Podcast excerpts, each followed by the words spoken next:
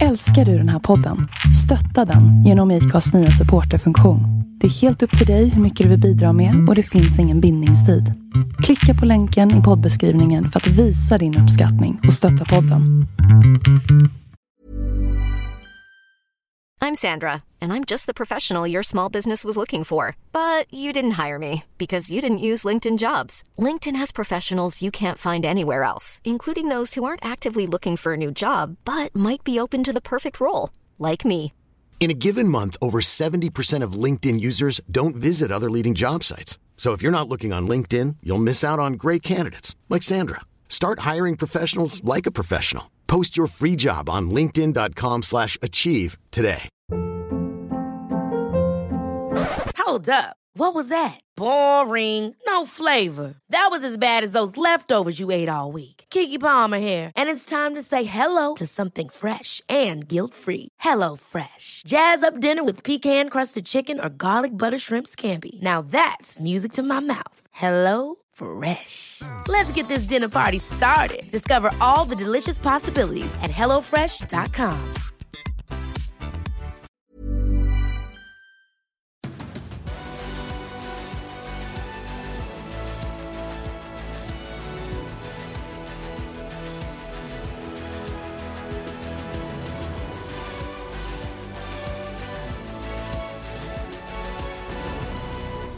Äntligen dags får vi säga till eh, MotoGP-podd nummer 133. Och eh, Andreas, jag tänker inleda det här med att eh, höra lite grann om varför vi inte fått till det här egentligen med poddande sen säsongsavslutningen. Ja, det är ju en bra fråga egentligen. Vi borde ju podda varje vecka men ibland går det helt enkelt inte. Vi, eh, vi kanske är lite säsongströtta också efter en, en fullmatad säsong. Jag tycker ofta det känns också med eh, särskilt höstdelen på säsongen när det är intensiva racehelger. Vi gjorde en resa där också till Portugal och eh, ja, sen, när, sen går luften ur lite grann när, när mästerskapet är över och när racehelgerna är färdigkörda. Och sen går det i ett tycker jag. Du har massa skidsändningar att förbereda och jag har varit i Saudiarabien bland annat i en och en halv vecka så att eh, vi skulle podda, jag hade med mig poddgrejerna till Saudi faktiskt men internetet var inte det bästa där.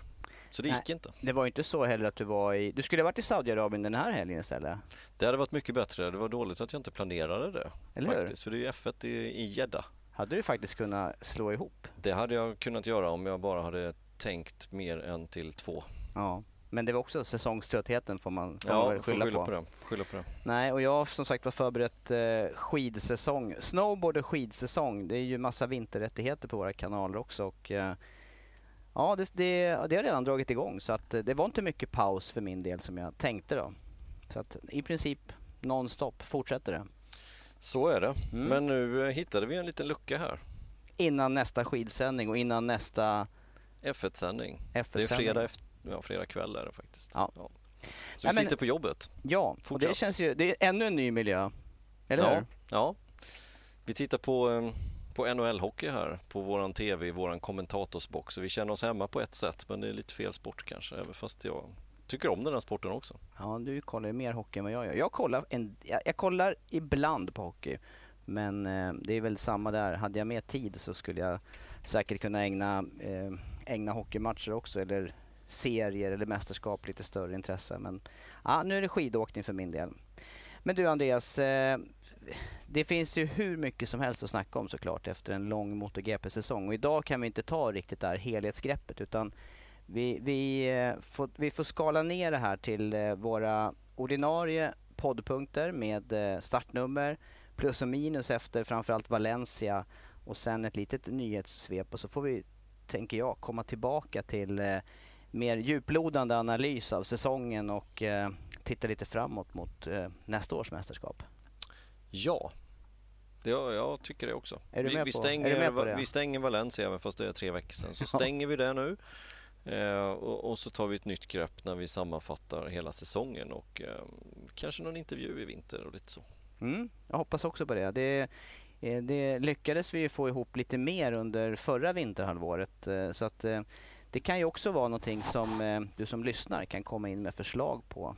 Intress, intressanta frågor eller intressanta personer att snacka med. Ja, ge oss gärna telefonnummer och vad vi ska snacka om så, så fixar vi det. Ja, det låter bra tycker jag. Du, eh, vi, vi kör igång dagens, eh, dagens första programpunkt så att vi, så att vi ligger i fas med, med kvällen i övrigt. Eh, startnummer 33 blir det då eftersom att det är podd 133 och eh, där är det ju ett lätt val. Det har vi en aktuell förare i MotoGP till och med. Vi har ju det och, och ehm, den här punkten är ju vilken förare som vi tänker först på och eh, då tänker jag på Brad Binder även fast 33 är ehm, det är ganska många förare som har kört med det. Ehm, Inea Bastianini körde med det i Moto 2, fick inte behålla det. Det avverkade vi i podd 123, för han kör med 23 nu. Eh, men 33, då är det ju faktiskt Brad Binder. Egentligen är inte det hans riktiga nummer heller, för han körde ju med startnummer 41 som är hans nummer. Eh, men det körde ju Alicia Spar eller kör Alicia Sparger med så det fick han inte behålla i MotoGP. Men du, den här, jag har faktiskt sett den här, eh, ja dokumentär kanske man ska säga, men det är ju, det, det är ju ett program som är gjort om bröderna Binder där. Och just det här startnummer 33, eh, det, det plockar ju någon eh, snitsar upp med, med tanke på hans initialer här och få till Jättebra. de här snygga. Ja, det är snyggt Jättebra. alltså. Det är BB. Ja, Ja, det var smart gjort. Ja, det var det faktiskt. Så att, eh, jag tror att han ganska snabbt kände sig hemma med det där. Annars är det ju mycket vidskepelse och det är mycket historia bakom de här startnumren som ofta följer förarna genom eh, karriären. Mm. Men du, vad är, vad är det som är eh, vad är det som sticker ut i, eh, i Brad Binders karriär då, som du tänker på? Första segern i Jerez, det sticker ut för mig. När han vann ifrån eh, sista plats på griden. Eh, kvalade väl i pool om inte jag minns fel. Och så var det någon bestraffning. Så var det någon bestraffning med en elektronikbox som inte var hans fel utan det var i det teamet. Han körde ju för Ajo-teamet på den tiden i Moto 3-klassen och fick starta sist. Eh, hade då vid det tillfället inte vunnit i Moto 3 eh, och kör upp sig hela vägen och vann racet. Ja, nej, det är sånt där. Med marginal dessutom. Ja, exakt. Det, det är faktiskt ett sånt race och en, en sån prestation som, som man skulle kunna plocka upp om, om någon stoppar en på gatan och, och frågar ja, men finns det grejer som du särskilt tänker på ifrån, ifrån åren med racing så är det en sån här extraordinär prestation. Ja, det är det. det, är det. Eh, Och sen så även hans, hans sladdar in i svängarna. Det är också någonting som kännetecknar Binder. Skulle man ta bort eh, nummer 33 eller 41 och, och ha en svart cykel med han som förare med ett svart skinnställ så har man ändå kört igen honom på hans körstil för den är ganska säregen. Mm, det är den. Och, och den tyckte jag var som allra tydligast där en period i Moto 2-klassen. Det är fortfarande så att han sladdar sin KTM i MotoGP då, men, men just i Moto 2 där så gick Ja. det riktigt brett. Gjorde det. Och eh, han Oliveira där, Oliveira körde ju med 44 och, ehm, och, och Binder med 41 och det var ju ganska svårt att se skillnad på de där Ajo och KTM-cyklarna. De var ganska lika. Eh, Men just på körstilen återigen, man såg ganska klar skillnad mellan de två, framförallt in i svängarna. Mm. Men eh, eh, hans karriär, jag tänker också på ursprunget här, han är från Sydafrika alltså. Det är ju, eh, förr i tiden så gick det ju ändå ett, eh, ett GP-race årligen i Sydafrika. Eh, men eh, inte, i, eh, inte i modern tid och eh, just de här förarna som kommer ifrån eh, Ja, på det, vis, det, det, det är ett avlägset land i racingsammanhang och det gäller ju även de som kommer faktiskt från Australien, Nya Zeeland och så vidare. Eh, Japan till viss del. Men, eh, men han är ändå... Han har tagit sig hela vägen upp till MotoGP och, eh, och mycket då i KTMs regi. För det är ju där hans karriär i GP-sammanhang börjar får man säga. Ja, det började ju i Red Bull Rookies Cup 9, 10, 11. Eh, lyckades inte vinna det mästerskapet, vann något eh, race och kom på pallen i några till. Eh, men sen till säsongen 2012 så blev det ju då KTM för RV Racing i GP-sammanhang. Men det tog några säsonger, för sen körde han Mahindra i två säsonger.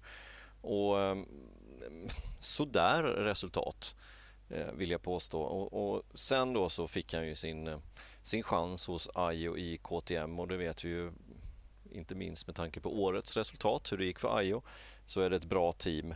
Eh, till säsongen 2015 slutade sexa i mästerskapet. Första året för eh, Ayo, Ajo, andra året för Ajo så vann han ju mästerskapet då med sju segrar varav den första då kom på Jerez som vi precis eh, pratade om. Men du den här Mahindra-bakgrunden, den, den hajar jag till lite grann på för att eh, visst var det även Banjaya som körde Mahindra ett tag och just eh, de flera av förarna som åkte Mahindra behövde ju utveckla sin körteknik mycket mer för den cykeln var ju lite und undermålig på ett sätt men, men bra på ett annat. Ja, eh, och, men det ser vi ofta att förare som sitter på lite sämre material vidare i karriären sen blir oftast väldigt bra förare. Eh, har man kört på lite sämre material då får man utnyttja det till max och när man väl sitter på en bra cykel så kommer också resultaten. Och, och jag tycker vi har sett det med Mahindra-föraren Banjaya framförallt som du säger då, men även Brabin givetvis. Mm. Och så då, eh, som du sa där, Moto 3-karriär, första segern som vi väl kommer ihåg båda två och även körstilen där i Moto 2. Moto 2-säsongen, eh, den sista säsongen där, det var ju det året när KTM på allvar hade problem med sina chassin och, ja och Brad Binder hade ju mycket väl kunnat ha en titel i, i Moto 2 utan de här chassiproblemen. Verkligen, han avslutade ju säsongen eh, 2000 18 blev det ju då. Eh, då körde han ju tillsammans med Oliveira den säsongen och avslutade den säsongen klockrent.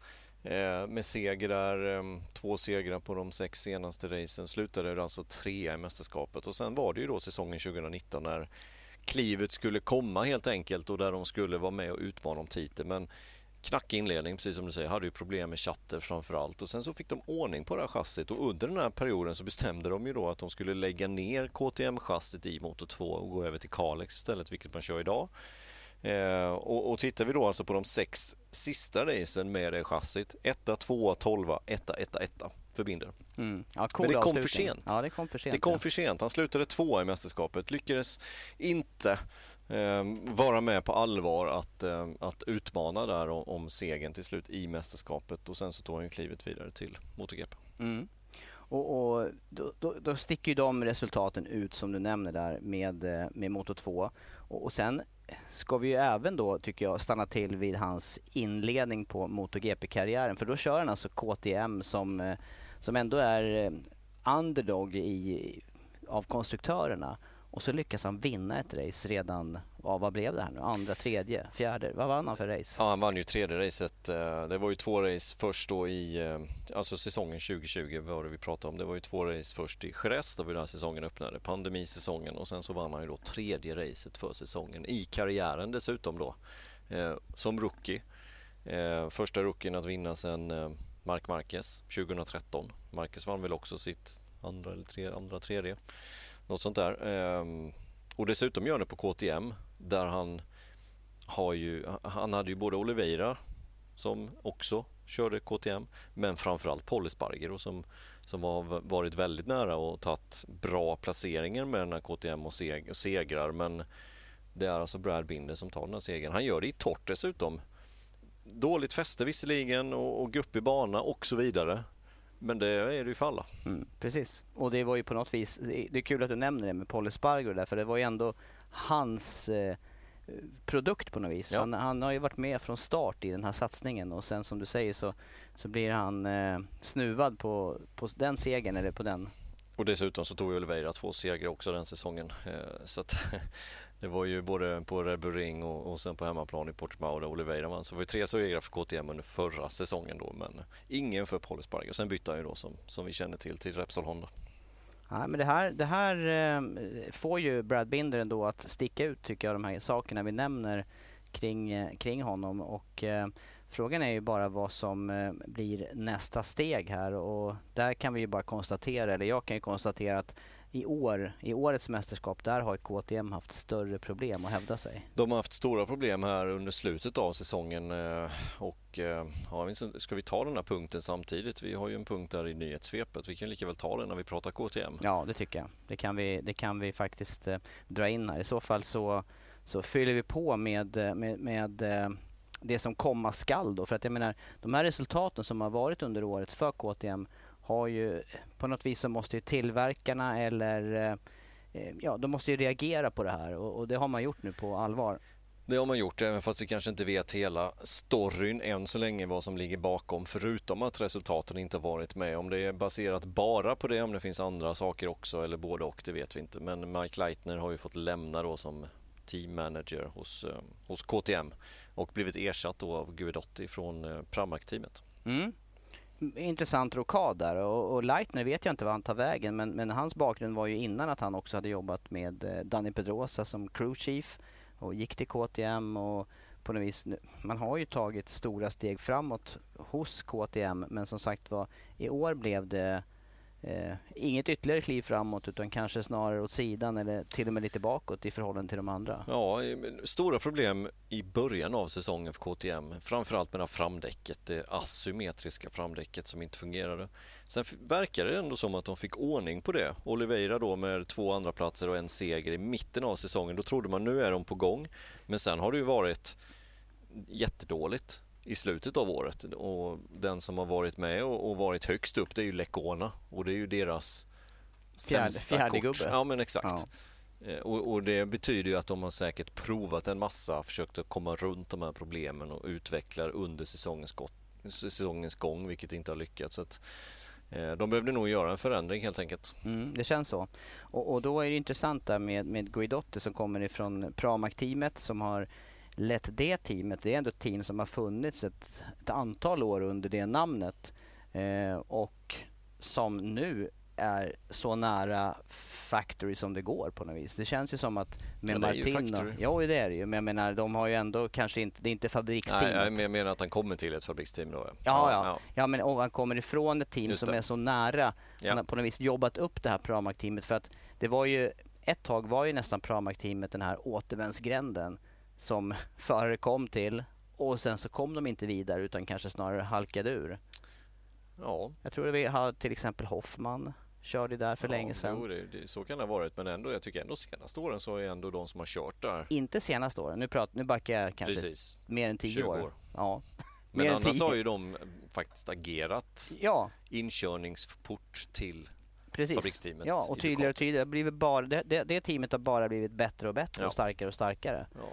Ducati eh, har väl insett att de är tvungna att ha ett juniorteam i princip. Ja. Sen gjorde de ett avsteg från det där när de plockade in Lorenzo. Mm, stämmer. Stämmer.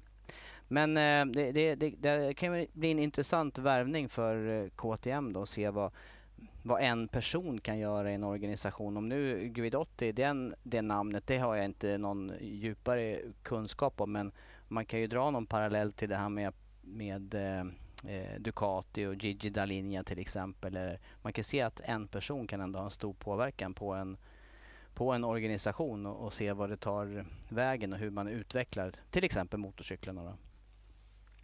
Men Ja, jag- intressant. Jag, jag vet inte vad det här kommer leda till. Om det, om det är så stor förbättring med tanke på KTMs problem. Vad tänker du då? Med? Men jag tänker Guidotti har inte riktigt den erfarenheten, åtminstone inte i Pramac-teamet. Där har han inte varit med och utvecklat Ducatin på det Nej, sättet. nej, det stämmer. Utan där har han kanske mest skött det organisatoriska runt teamet. Mm, Ehm, Så därför vet jag inte riktigt hur stor skillnad det kommer bli. nej. nej, men vi får ju se. Det kan ju, det kan ju också vara sånt eh, om man nu tittar neråt i hierarkin i KTM där, där vi har eh, Aki Ajo som vi var inne på nyss som eh, på något vis eh, det, det kan ju inte finnas något bättre namn, något bättre exempel på en person som på något vis får fram världsmästare och lyckas få ut det bästa utav teamen. Eh, kanske ser man något sånt hos en Ja, person som. Guidotti då, Ja. som du är inne på här. Mm. Ja, möjligt. Intressant i alla fall. Men det, det är också intressant eh, när vi ändå är inne nu på, på det som Guidotti lämnar med, med Ducati där. I samma veva så, så kliver ju Ducati på med ytterligare ett team här nu så det blir åtta Ducati-cyklar nästa år. Och Det, jag menar, det, det är ett massivt motstånd som, som eh, KTM ska nå ikapp på något vis. Ja, Från även allt. de andra Ja, fabrikaten. även de andra fabrikaten. Eh, ja. åtta Ducati-cyklar, så det har vi ju sagt många gånger. Men, eh, men Gresini alltså som sagt också Ducati till nästkommande säsong. Ja. Nej, men eh, vi, vi gjorde ett avsteg här från startnummer 33, Brad Binder, och konstaterade att det blir lite nya, blir nytt namn där i, i eh, ledningen för KTM-teamet nästa år. Ja. Och Brad Binder också, innan han, han har ju signat nu till 2024. Ett ganska långt kontrakt, det vill säga tre säsonger till. Eh, och innan han signade det kontraktet så vet jag att han var väldigt intresserad av en satellit Yamaha-styrning. Hur tänker du då? Med, alltså Nej, att han var, eh, han var intresserad för sin egen del? Ja, han- precis. Ja. Istället för den som hans bror Ja, har nu då, ja. helt enkelt.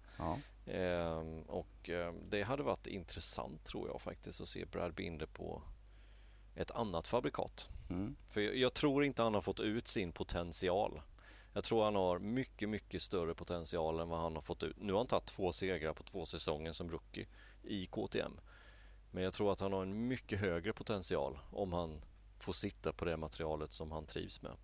Och än så länge har inte KTM riktigt levererat det till honom. Nej, Nej. Och, och det är ju bara egentligen att backa tillbaka till Moto 2 eh, avslutet där som du ja. nämnde där med, med det här svåra chassiproblemen under det året. Ja, han, han har verkligen, i, i, mina ögon så har han potential att kunna bli världsmästare, Brad Binder. Men eh, ja, nu är det tre säsonger till. Det vill till att KTM också då Nej, men ungefär som de hade i slutet av förra året när Oliveira totalt dominerade. Ehm, och även i mitten av den här säsongen. Då.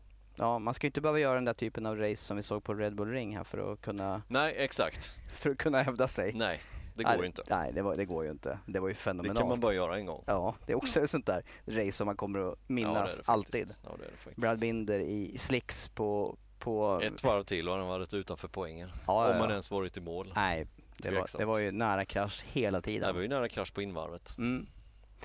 Ja, ska vi stänga Brad Binder? Ja. ja. Och gå över till eh, Valencia då. Och eh, då får vi backa några veckor i tid här men eh, det finns ändå positiva delar och negativa delar. Plus och minus alltså ifrån Valencia-helgen. Jag vill börja med, med det stora plusset för min del och då vill jag lyfta eftersom jag är äldst här så lyfter jag Valentino Rossi som också är den gamla, gam, den gamla äldsta föraren. Det står ju eh, VR46 i pannan på dig. Idag får du göra det i alla fall. Idag bara? Du har ju gjort det. Alltid? Ja. Nej, jag... Jo, jo. Då, du har tagit hans parti. I parti och minut. Nu outar du mig här. Jag som, jag som ska vara den här oberoende. Ja, men det, det spelar ingen roll nu. Rossi har ju slutat nu. Ja, exakt. Ja, jag, kan, jag, kan, eh, jag kan erkänna att jag har haft eh, ett gott öga till honom så. men eh, inte, du är inte, ensam. inte i alla, nej, inte i alla lägen. Men, men däremot, nej, men jag uppskattar ju en, en racer. Han är ju en sann racer på det sättet att han eh, på, på något vis, han är helt kvar i det här mästerskapet trots att han inte varit konkurrenskraftig. Sen går han ut eh, nu då, sista racet i karriären och ändå gör en, jag tycker det, den racehelgen han gör här under den på något vis uppståndelse som är kring honom, den är ju fantastisk. Egentligen. Ja, jag tycker också den är jättebra. Han slutar alltså 13,5 sekund efter Banjaya som vann racet och eh, på en tionde plats. Mm. Riktigt, riktigt bra race gjorde han. Och han gjorde ett bra kval också. Ja. Så att den känslan och, och lämna efter alla år, man har ju sett han slåss mot eh, de här yngre förarna nu under den här säsongen utan större framgång egentligen. Och sen så får han ändå göra den här avslutningshelgen. Det är ju det han lämnar ja, med på något vis. Absolut. Och det, det bevisar ju återigen att han, eh, han är grymt snabb när det väl stämmer. Eh, det räcker inte hela vägen till topp 5 eller pallen eller seger som det är just nu. Men att han är en, en riktigt vass förare forts, mm. fortsatt. Ja. Och jag undrar om inte det här, en del i det här, just att det inte räcker hela vägen. Det kan ju också vara åldern, oviljan att faktiskt riska för mycket kraschen. Nu har han kört också under en del av den här säsongen då med en, med en fästmö som är gravid och jag menar det, det finns ju ett liv efter det här också. Någonting måste du påverka. Någonting. Jag inbillar mig det i alla fall i det här. Men han blir näst bästa Yamaha i det här racet. Ja, det också. Och då är ju dessutom den bästa Yamaha-föraren då som är Fabio Quartararo, nykorad världsmästare. Han blir femma bara får man ju säga. Ja. Så att, eh, nej, riktigt bra helg. Och ja, jag hade, jag hade, jag hade kunnat tänka mig att lägga en slant för att vara med på efterfesten där eller fortsättningen på, på kvällen och helgen. Bara, titta, bara bilderna och, och, det man, man upplevde från kommentatorsplats när han ja, kom ja, tillbaka ja. in i boxen där. Och, jag menar, det, där började det på något vis. Ja, där började festen. Där, där började festen, ja. Mm. Precis. Ja. Och sen fortsatte When you're ready to pop the question, the last thing you want to do is second guess the ring. At BlueNile.com you can design a one-of-a-kind ring with the ease and convenience of shopping online. Choose your diamond and setting. When you find the one, you'll get it delivered right to your door. Go to Bluenile.com and use promo code LISTEN to get $50 off your purchase of $500 or more. That's code LISTEN at Bluenile.com for $50 off your purchase. Bluenile.com code LISTEN. Planning for your next trip? Elevate your travel style with Quince. Quince has all the jet setting essentials you'll want for your next getaway, like European linen, premium luggage options, buttery soft Italian leather bags, and so much more. And it's all priced at 50 to 80% less than similar brands. Plus, Quince only works with factories that use safe and ethical manufacturing practices. Pack your bags with high-quality essentials you'll be wearing for vacations to come with Quince. Go to quince.com slash trip for free shipping and 365-day returns. Ever catch yourself eating the same flavorless dinner three days in a row? Dreaming of something better? Well, HelloFresh is your guilt-free dream come true, baby. It's me, Kiki Palmer. Let's wake up those taste buds with hot, juicy pecan-crusted chicken or garlic butter shrimp scampi. Mm. Hello Fresh. Stop dreaming of all the delicious possibilities and dig in at HelloFresh.com. Let's get this dinner party started.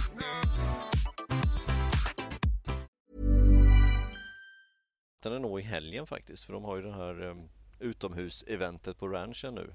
Och jag kollade på um, deltagarlistan där. Det är, Vassa killar. ja, det är vassa killar. Lorenzo ska dit Ja. till ranchen och köra. Ja. Undrar hur det blir. Ska de Ja, åka i team där? Nej, han brukar åka med brorsan, eller hur? Ja, frågan är om man inte ska göra det. Jag undrar också. Jag, jag såg också någon Jag blänkare. såg att det, någon blänkare om att de kanske ska åka i team där. Mm. Alltså. Lorenzo och Rossi. Annars är det väl Rossi och Marini som har kört ihop där. Så brukar det väl vara. Men det har ju växt med tanke på det. Och Vinales ska dit. Ja. Tyckte jag såg. Ja, och Rins. Ja. Och sen det här vanliga då, akademiförarna. Så det är inga, det är inga dussinförare någon dem. Nej, nej, det är nog Och, ser, man den här, ja, ser man den här ranchen i, i verkligheten som vi har gjort nu så sent som i höstas här, när vi åkte upp där och, och kikade ner så är det ju en, det är en mäktig anläggning. Det är Ja. riktigt, eh, nu vet jag inte exakt om de använder samma slinga varje gång men, men det går ju att göra snudd på oändligt antal slingor där och, och, och ganska högfars, stora Ja, högfartspartier ganska också. Fort. Det Ja, går ganska fort. Då. Jag skulle säga ganska fort ja. Jag kan bara referera till när vi var i, i Texas där tillsammans och sladdade runt på de där TTR, var det 125 eller vad åkte Ja, det var det va? Ja, jag slog mig illa trots att det inte gick så fort om man Ja. säger så. Nej. Och här går det med 450 f- på fullt ställ liksom i, ska de köra 10 mil då, race? Mm. 100 kilometer. Ja, det blir, det blir ballt. Jo. Ja, men, men plus på, på- det håller du med då? Det kan, han Men kan jag håller ett. med om själva stämningen. Hans resultat var, var bra. Eh, med hans mått mätt. Eh, så var det bra. Det var en eh, värdig avslutning tycker jag. Även fast jag hade kunnat tänka mig att se något mer spektakulärt. Inte bara hjälmar på akademiförarna utan kanske någon, eh, något kåpsätt som påminner om förr eller något liknande. Men det är inte riktigt Rossis stil det där utan det, det är ju avsluta liksom ungefär som det börjar Mm. på något sätt. Och jag, jag är så väldigt imponerad över förmågan att prestera ändå en sån här helg med, med allt det här sidofokuset. Ja, ja. Jag menar, det, det är ju det är parti och minut folk som dyker upp och dunkar i ryggen och kramar och autografer och det är liksom, grejer är ju ändå förberedda också. Som han, han måste vara involverad i de här förberedelserna. Mycket att- störmoment. Mycket störmoment. Hans cyklar som står uppradade. Ja. Alla nio. Och sen bara den här emotionella grundkänslan Ja. som man ändå på något vis känns som att han trycker undan under här. Och han, Mm. han, han är bara positiv i allt det här. Skulle, han skulle ju kunna, som Petrucci då, haft eh, svåra problem att starta liksom med, Ja. med gråten i ögonen och Ja, ja, nej, det, det är ja nej, men bra. det var en eh, känslosam ehm, eh, ett känslosamt farväl. Ja, ja, för mig är det definitivt, eh, det, det är en förare som har ändå funnits med under, ja, inte hela min period Nej, som, äldre som är det intresserad. Äldre än så är det, kan man ju säga. Men, men just att det ändå har varit ett sånt namn hela tiden här. Ja, Ja, det var, plus, det. var en plus för mig. Ska du näm- vill du nämna något? Du, ju, du kan ju ta plus eller minus Andreas. eh, okej. Vi brukar ju vilja gå ut på plus. Ja, men det är jag tycker- trevligare, Ja, men- det är trevligare. Men idag gör vi tvärtom. Mm. Så idag lyfter jag ett annat plus. Jag tycker Ducati. Eh, inte oväntat kanske i och med att de blir etta, två och tre i det här racet. De blir det med 8 tiondels marginal ner till Miller då som slutar på en tredje plats. Och de dominerar alltså en helg på Valencia som är en av de mest eh, knixiga banorna på kalendern. Där Ducati generellt sett alltid har haft svårt. Där blir de etta, tvåa och trea med fem sekunders marginal ner till Mir på en fjärde plats. Mm. de andra fabrikaten ska nog göra sin hemläxa i vinter om de ska hänga på nästa år. Ja, det känns så. Och vi kan ju också fylla på med, eh, med eh, Sarko där som slutade sexa i racet. Sen var ju även eh, Bastianini. Enda förare på Ducati utanför topp 10 det var Marini den här helgen. Ja, Nej, det, det, och, och sen återigen det, två till Ducati till nästkommande mm. säsong. Mm. Eh, en till fullfabrikare med Marini. Eh, nej, det, det, det, ser onekligen väldigt bra ut och framförallt också för Banjaya som har kört som en kung här de sista två racehelgerna.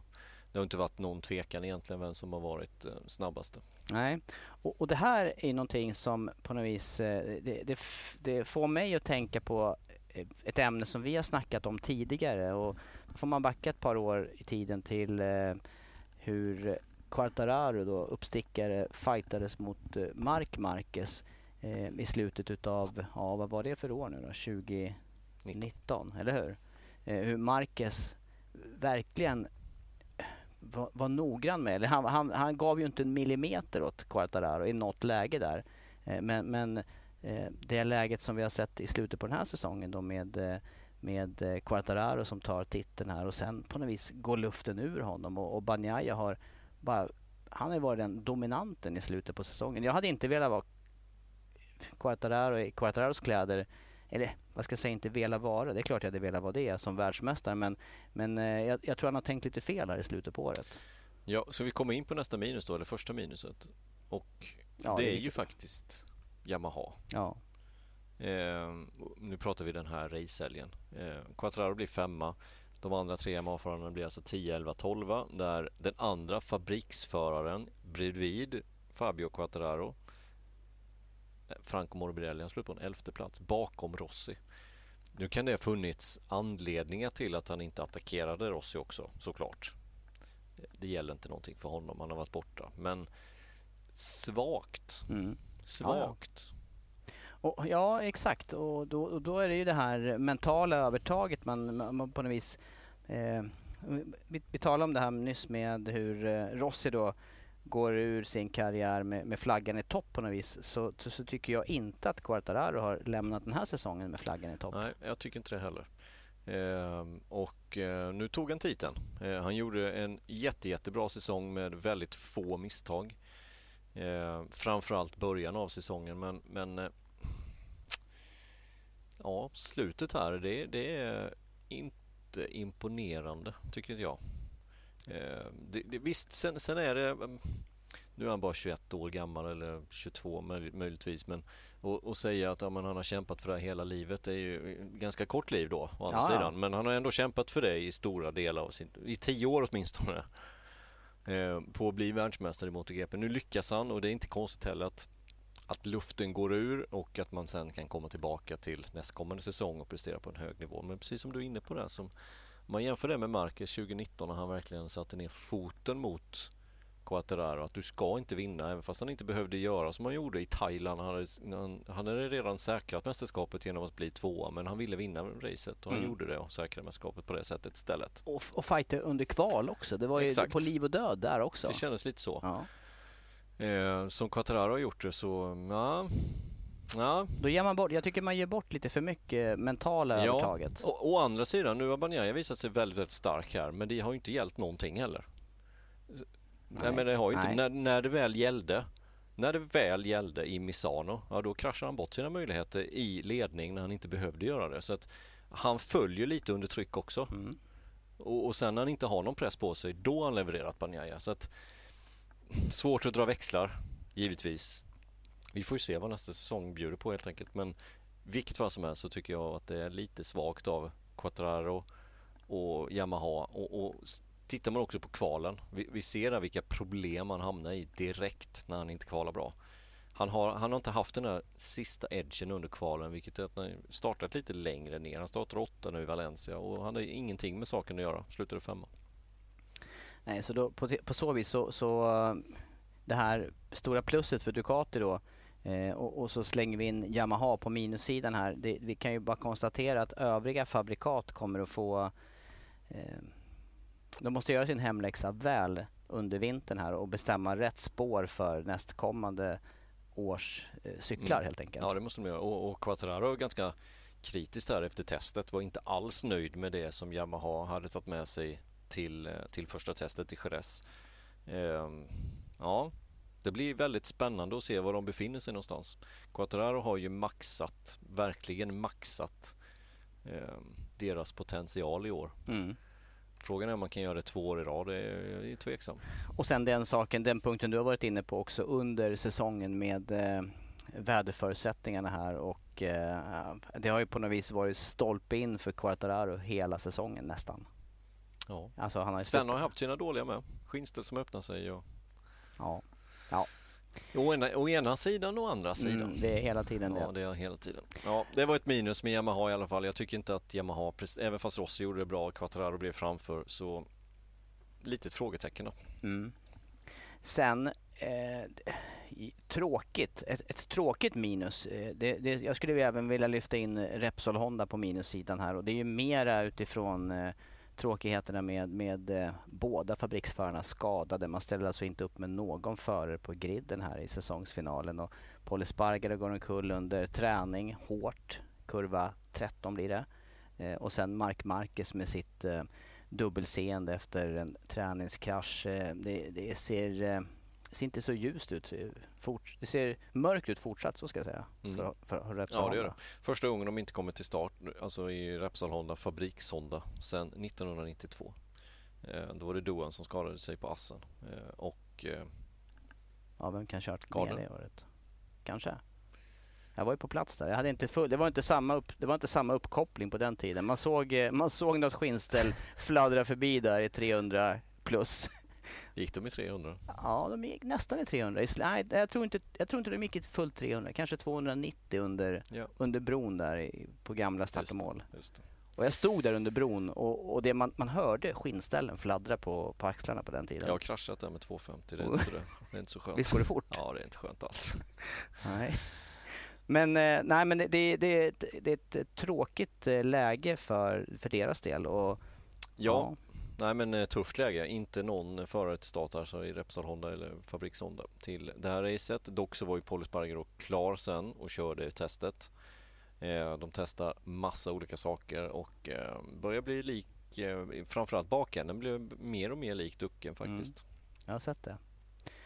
Ja, intressant. Och, och apropå då Marcus ögonskada också. Jag har faktiskt Eh, träffat en, inte en ögonläkare här, jag ska se om jag säger rätt som yrkeskategori. Ortoptist tror jag det heter. Eh, och fått en liten eh, genomgång på den här skadan då, fjärde synnerven.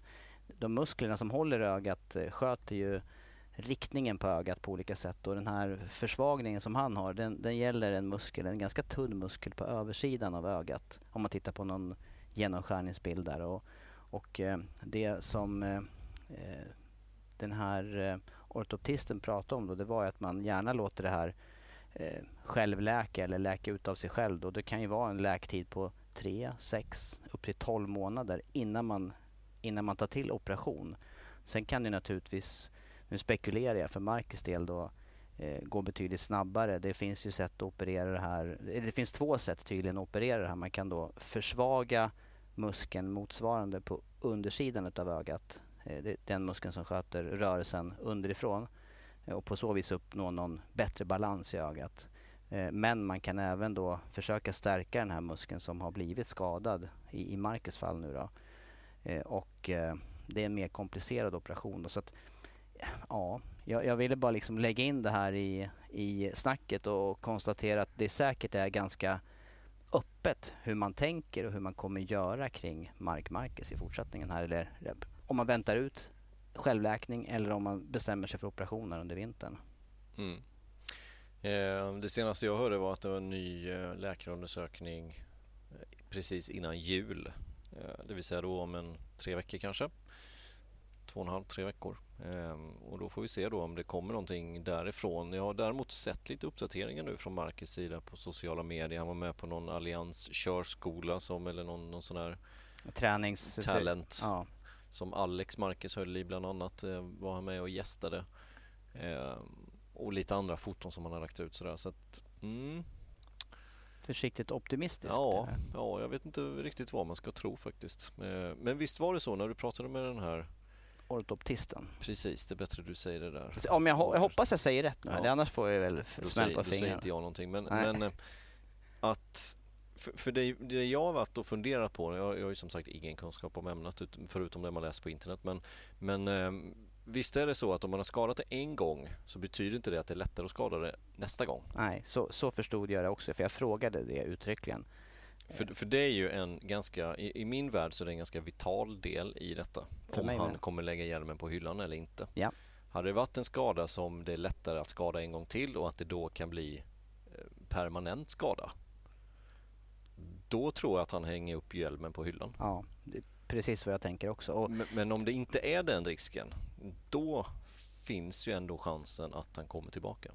Och som jag förstod det vid det här samtalet som jag hade då så, så gäller det här främst, eh, skadorna uppstår främst vid smäll mot bakhuvudet. Då. Så vi, vi vet ju ingenting i detalj om hans Nej. krasch här i, i enduro eller crossspåret eller vad de nu har varit ute och kört för någonting. Men eh, ja, och, och problematiska för hans del är ju ändå som motorcykelförare den här att, att det uppstår, dubbelseendet uppstår ju när man tittar uppåt och, och det är ju den körställning Och det var ju även det problemet förra gången han skadade sig 2011. Ja. Och Just det, den här saken. Ja. Mm.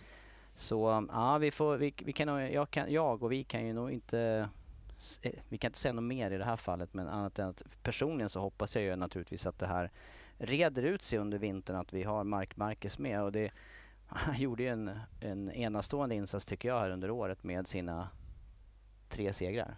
Mm. Ja, ja, absolut. Eh, en annan sak som man får bli lite positivt optimist på det är Alex Marquez som gick ut i en intervju här för ett tag sedan. Alex Marquez, Mark Marquez, väldigt tajta bröder. Eh, jag vet inte om de bor i samma hus längre men åtminstone väldigt tajta. Han gick ut i en intervju och sa att vi, vi hoppas ju på och vi skulle behöva ha Marquez tillbaka till Sepang-testet då i februari. Och bara att han säger så får mig att tro att det är ändå positivt. Mm.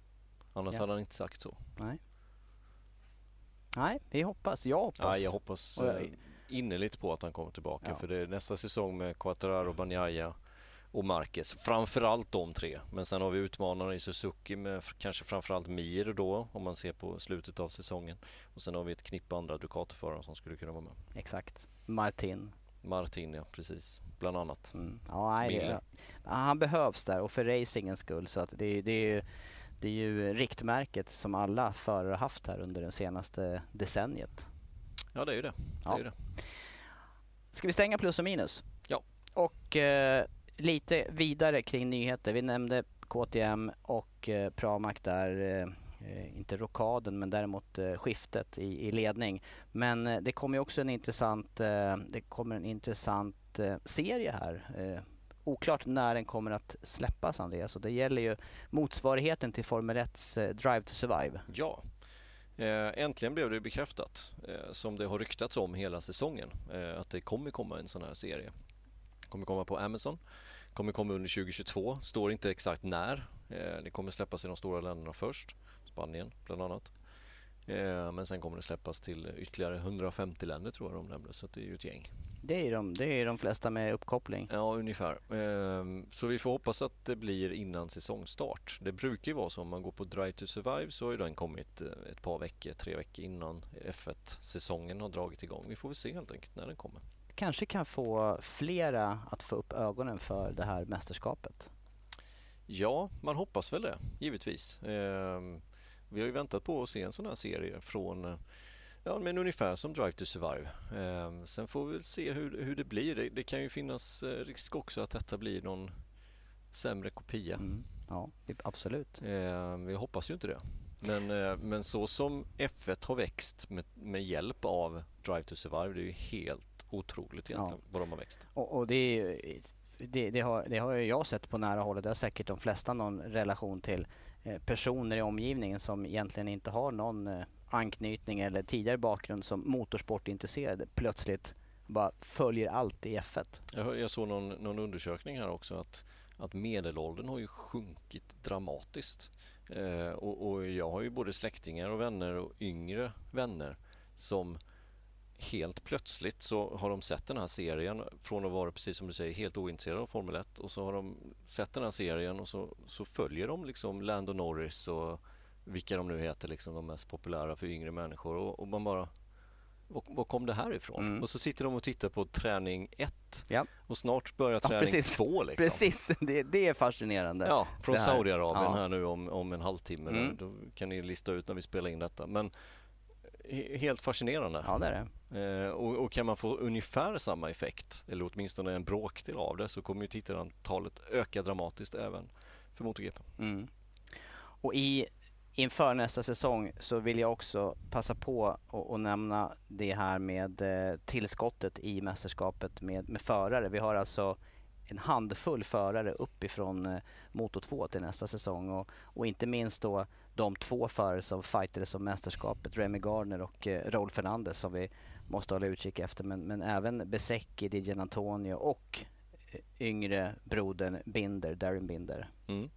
Och eh, samtliga där förutom då Didia Antonio eh, behåller ju sina startnummer. Så det är alltså Besecki med 72, det är Didia då med 49 istället för 21 som man använt hittills. Och så är det Binder då med 40, Gardner med 87 och eh, Raúl Fernandez med 25.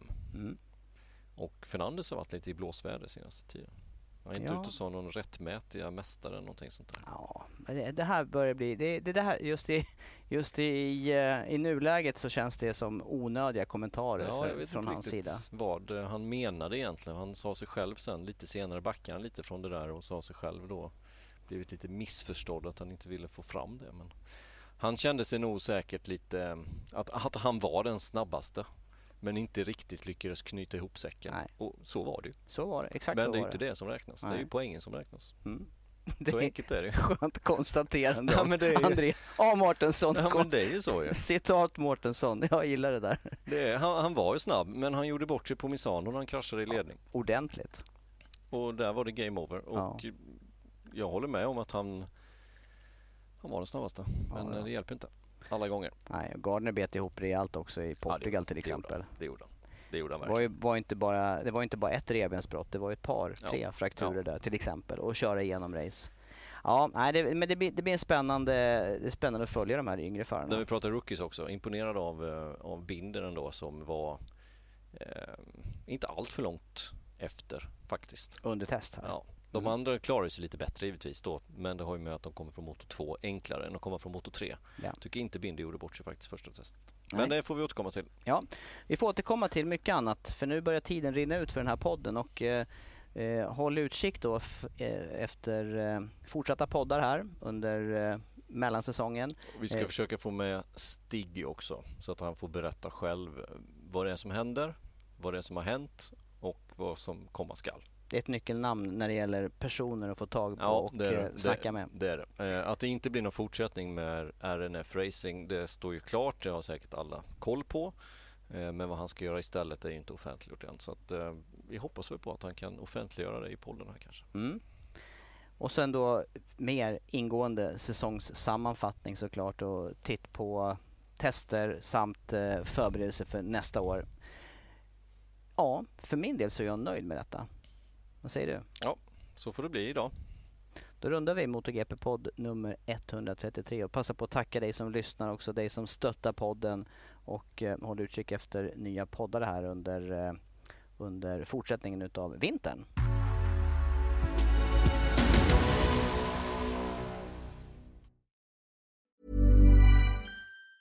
Hej, it's Danny Pellegrino from Everything Iconic.